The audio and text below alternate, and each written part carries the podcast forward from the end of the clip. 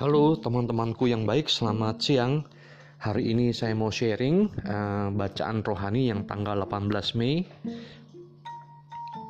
Teman-temanku, uh, judulnya ialah Mau selamat, rendah hatilah dan pakai iman itu anugerahnya.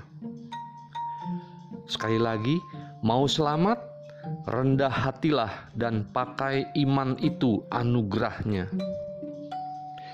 Nah, saya ambil dari kisah para rasul uh, dari kisah para rasul bab 16 ya.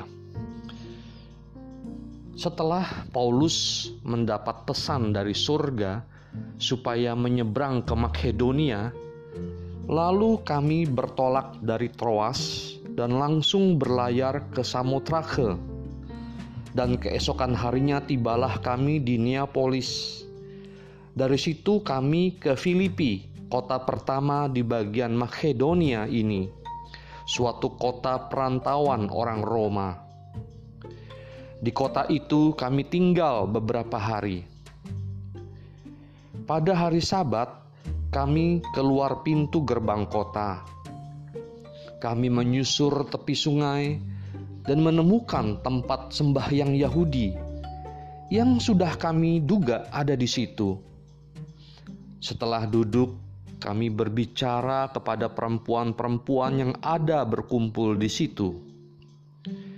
Seorang dari perempuan-perempuan itu yang bernama Lydia turut mendengarkan. Ia seorang penjual kain ungu dari kota Tiatira yang beribadah kepada Allah. Tuhan membuka hatinya sehingga ia memperhatikan apa yang dikatakan oleh Paulus. Sesudah ia dibaptis bersama-sama dengan seisi rumahnya, ia mengajak kami, katanya, jika kamu berpendapat bahwa aku sungguh-sungguh percaya kepada Tuhan, marilah menumpang di rumahku. Ia mendesak sampai kami menerimanya. Demikianlah sabda Tuhan. Wah, luar biasa ya. Ini yang menarik buat saya ialah Tuhan membuka hati Lydia di sini ya. Tuhan membuka hatinya sehingga ia memperhatikan apa yang dikatakan oleh Paulus. Memperhatikan tuh mendengarkan. Nah, iman itu timbul karena pendengaran akan sabda Tuhan. Dan Artinya Lydia itu rendah hati. Makanya di sini judulnya yang saya buat mau selamat rendah hatilah dan pakai iman itu anugerahnya. Nah, yang menarik lagi yang sama intinya dari renungan saya, refleksi saya itu Mazmur dari Mazmur ya. Nah, coba saya bacakan. Haleluya, nyanyikanlah bagi Tuhan nyanyian baru. Pujilah dia dalam jemaah orang-orang saleh. Biarlah Israel bersuka cita atas yang menjadikannya. Biarlah Bani Sion bersorak-sorak atas raja mereka. Biarlah mereka memuji-muji namanya dengan tari-tarian biarlah mereka bermasmur kepadanya dengan rebana dan kecapi. Sebab Tuhan berkenan kepada umatnya. Ia memahkotai orang-orang yang rendah hati dengan keselamatan. Biarlah orang-orang saleh beria-ria dalam kemuliaan. Biarlah mereka bersorak-sorai di atas tempat tidur mereka. Biarlah pujian pengagungan Allah ada dalam kerongkongan mereka. Ya, ini yang menarik sebab Tuhan berkenan kepada umatnya. Ia memahkotai orang-orang yang rendah hati dengan keselamatan. Nah, keselamatan saya baca di Kamus Umum Bahasa Indonesia, selamat itu tuh utuh, baik jiwa dan raganya. Ya, bahagia, tidak kurang suatu apa pun. Ya, beruntung, sejahtera, itu selamat artinya. Dan mengapa dimahkotai keselamatan? Karena rendah hati. Karena Tuhan berkenan kepada umatnya. Mengapa Tuhan berkenan? karena umatnya itu memakai iman anugerahnya. Makanya judul saya mau selamat ya, sejahtera, damai sejahtera ya, tidak kurang suatu apa pun, bahagia, rendah hatilah dan pakai iman itu anugerahnya. Nah, pada hari ini juga ada pesta ya, pesta dari Santo Yohanes 1 paus dan martir ya pada tanggal 18 Mei. Dia itu mati terbunuh oleh raja Theodoricus yang menaruh curiga besar kepada Yohanes ya tentang segala hal yang dibicarakan di Konstantinopel.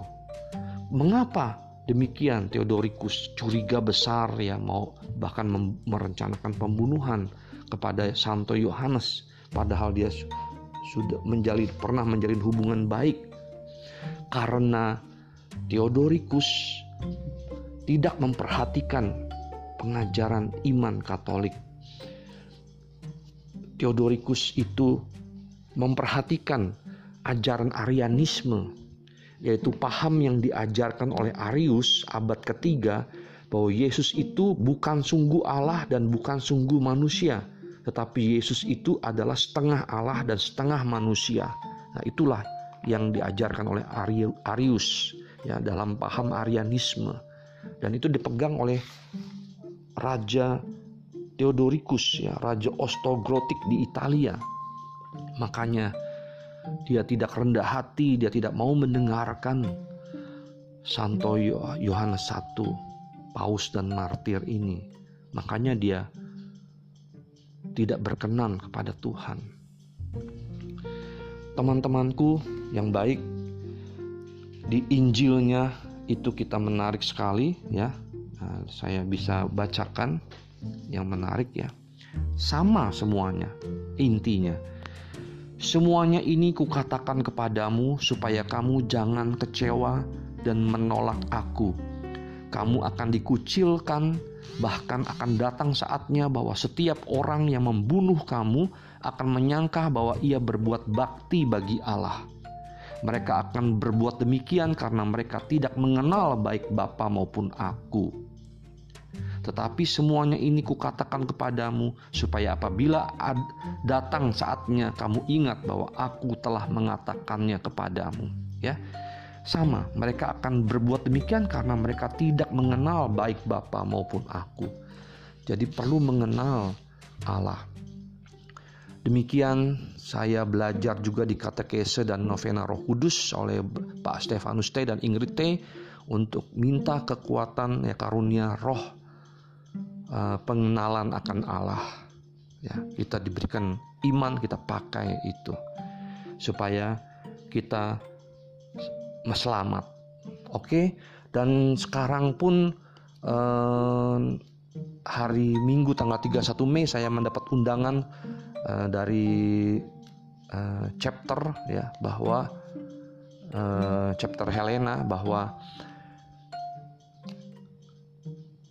bagaimana menjalin relasi pribadi Kristiani yang baik ya supaya tercipta Eh, penyelesaian masalah di dalam komunitas kami, komunitas Couples for Christ. Jadi perlu sekali mendengarkan. Oke teman-temanku, mau selamat, rendah hatilah dan pakai iman itu anugerahnya. Selamat bekerja, penuh iman, harapan, dan cinta kasih yang berkobar-kobar untuk Tuhan dan sesama. Bye.